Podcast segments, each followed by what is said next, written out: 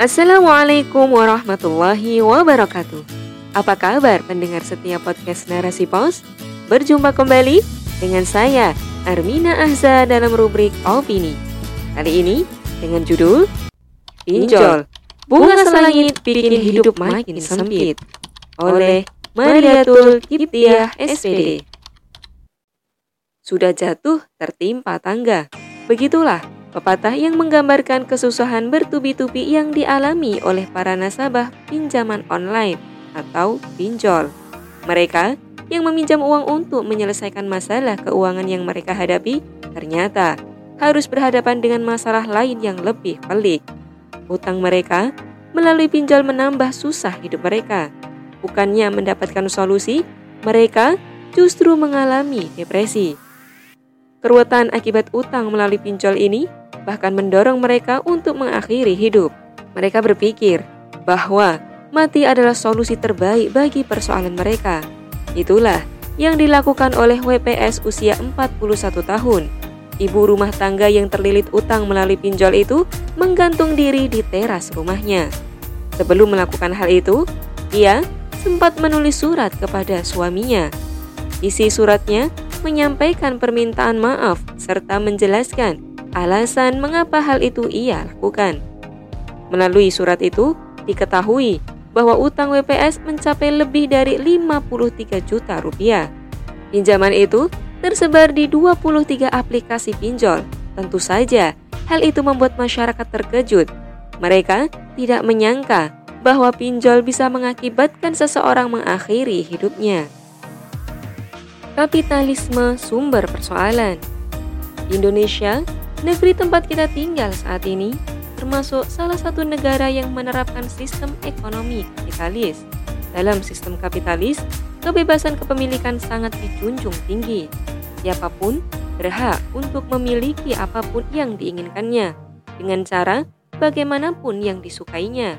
Tidak ada batasan halal haram, baik menyangkut barang yang ingin dimiliki maupun cara yang hendak ditempuh. Negara hanya bertindak sebagai regulator negara hanya membuat berbagai peraturan yang akan dilaksanakan oleh masyarakat. Sayangnya, sebagian besar aturan itu dibuat untuk kepentingan para pemilik modal. Sebab mereka lah yang telah berjasa menaikkan para penguasa ke kursi kekuasaannya. Maka, tidak mengherankan jika pada akhirnya para pemilik modal lah yang menikmati kue pembangunan. Meski jumlah mereka hanya sedikit, tetapi mereka menguasai sebagian besar kekayaan negeri ini. Sementara rakyat kecil yang mayoritas harus berebut remah-remah kue yang tidak seberapa jumlahnya. Kondisi ini diperparah dengan pandemi yang melanda. Banyak di antara mereka yang awalnya berpenghasilan minim harus kehilangan pekerjaan. Hal ini membuat ekonomi mereka semakin terpuruk. Mereka mengalami kesulitan dalam memenuhi kebutuhan hidup sehari-hari. Kesulitan mereka pun ditangkap oleh para pemilik modal. Dengan iming-iming proses yang cepat dan syarat yang mudah, beraksilah para pemilik modal ini menjerat calon mangsanya. Mereka tawarkan pinjaman online, masyarakat yang sudah gelap mata pun tergiur dengan bujuk rayu mereka. Maka, bisnis pinjol menjadi berkembang. Menurut Asosiasi Vintage Pendanaan Bersama Indonesia, perputaran uang pinjol hingga Agustus tahun 2021 mencapai 251 triliun rupiah dengan 193 juta transaksi. Besarnya keuntungan yang diperoleh dari bisnis ini membuat banyak pemilik modal tertarik untuk membuka usaha di bidang ini.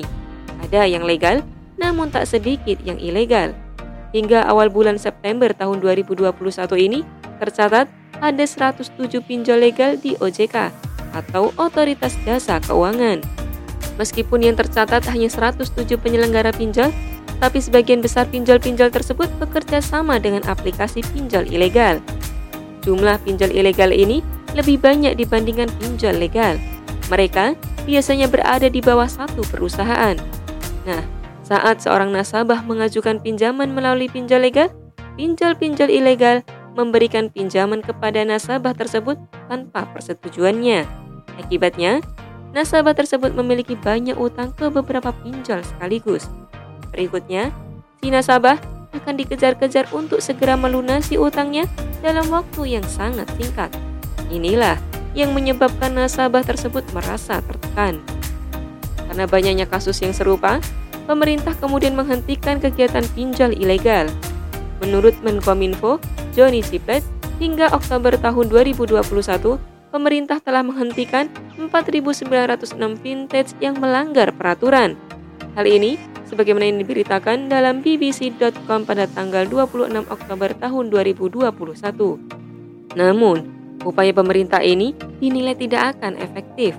Pasalnya, masyarakat Indonesia sudah terbiasa berutang, bukan menabung, termasuk untuk memenuhi hal-hal yang bersifat konsumtif.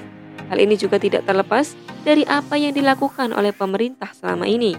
Pemerintah lebih banyak memberikan pinjaman kepada masyarakat termasuk dalam memberi bantuan kepada mereka. Di samping itu, kapitalisme telah menciptakan budaya konsumtif pada masyarakat. Masyarakat tidak lagi bisa membedakan antara kebutuhan dan keinginan. Semua dianggap kebutuhan. Karena itu, mereka tidak merasa bersalah jika berutang untuk memenuhi keinginan yang mereka anggap kebutuhan tersebut.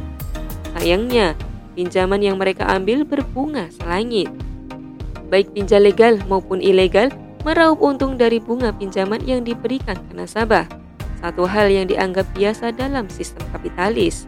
Sebab berusaha dengan modal sekecil-kecilnya dan hasil sebesar-besarnya merupakan prinsip ekonomi mereka. Sistem ekonomi Islam sistem terbaik bagi manusia. Berbeda dengan sistem kapitalis, Islam tidak menghalalkan segala cara dalam mencapai tujuan. Setiap aktivitas yang dilakukan harus terikat dengan aturan yang telah diturunkan oleh Allah Subhanahu wa taala. Melalui penerapan peraturan itu akan terwujud kemaslahatan bagi semua. Islam memperhatikan kesejahteraan setiap individu rakyatnya. Pemenuhan kebutuhan primer adalah tanggung jawab negara. Negara juga akan membantu masyarakat untuk memenuhi kebutuhan sekunder, bahkan tersier masyarakat sesuai kemampuan mereka. Negara akan menyediakan lowongan pekerjaan bagi masyarakat, terutama kaum laki-lakinya. Sebab kaum laki-lakilah yang memiliki kewajiban mencari nafkah bagi keluarganya. Jika karena suatu keadaan, seorang laki-laki tidak mampu mencari nafkah, keluarga dekat dan kerabatnya yang harus membantu. Jika kerabatnya pun tidak mampu, negara yang harus mengambil alih tugas tersebut. Negara akan memenuhi kebutuhan keluarga tersebut secara layak. Pada sistem Islam, para pemberi pinjaman yang berbunga tidak akan diizinkan beroperasi, sebab mengambil manfaat dari pinjaman yang diberikan termasuk riba. Dalam hadis yang diriwayatkan oleh Haris bin Abi Usamah, Ali bin Abi Thalib menuturkan bahwa sesungguhnya Nabi Shallallahu Alaihi Wasallam telah melarang praktik kord atau pinjaman dengan mengambil manfaat atau jasa. Dalam riwayat lain disebutkan, setiap praktik kord atau pinjaman yang disertai dengan unsur mengambil manfaat atau jasa adalah riba. Karena itu, dalam Islam tidak akan ditemukan bank ataupun lembaga sejenis yang mengambil keuntungan dari peminjaman yang mereka berikan, termasuk aplikasi pinjol, baik yang terdaftar maupun tidak, sebab aktivitas semacam itu merupakan riba sehingga tidak diperbolehkan beroperasi. Hal ini bukan berarti bahwa tidak boleh melakukan peminjaman uang, dalam Islam, memberi pinjaman termasuk satu hal yang disunahkan. Bahkan dalam sebuah hadis yang diriwayatkan oleh Ibnu Hibban, Rasulullah Shallallahu Alaihi Wasallam bersabda, tidaklah seorang Muslim yang memberikan pinjaman kepada Muslim lainnya sebanyak dua kali, kecuali dia seperti bersedekah satu kali. Demikianlah, Islam yang agung telah memberikan solusi secara tepat bagi persoalan hidup manusia. Hal ini tidak mengherankan, sebab Islam adalah agama yang diturunkan oleh Allah taala, Sang Khalik Al-Muttadir. Karena itu, tidak ada peraturan yang diturunkannya memberikan keuntungan kepada sebagian manusia, tetapi menyengsarakan sebagian yang lainnya. Bagaimanapun, Islam akan memberikan rahmat bagi seluruh alam, tidak hanya bagi manusia, tetapi juga makhluk Allah lainnya. Wallahu alam bisawab.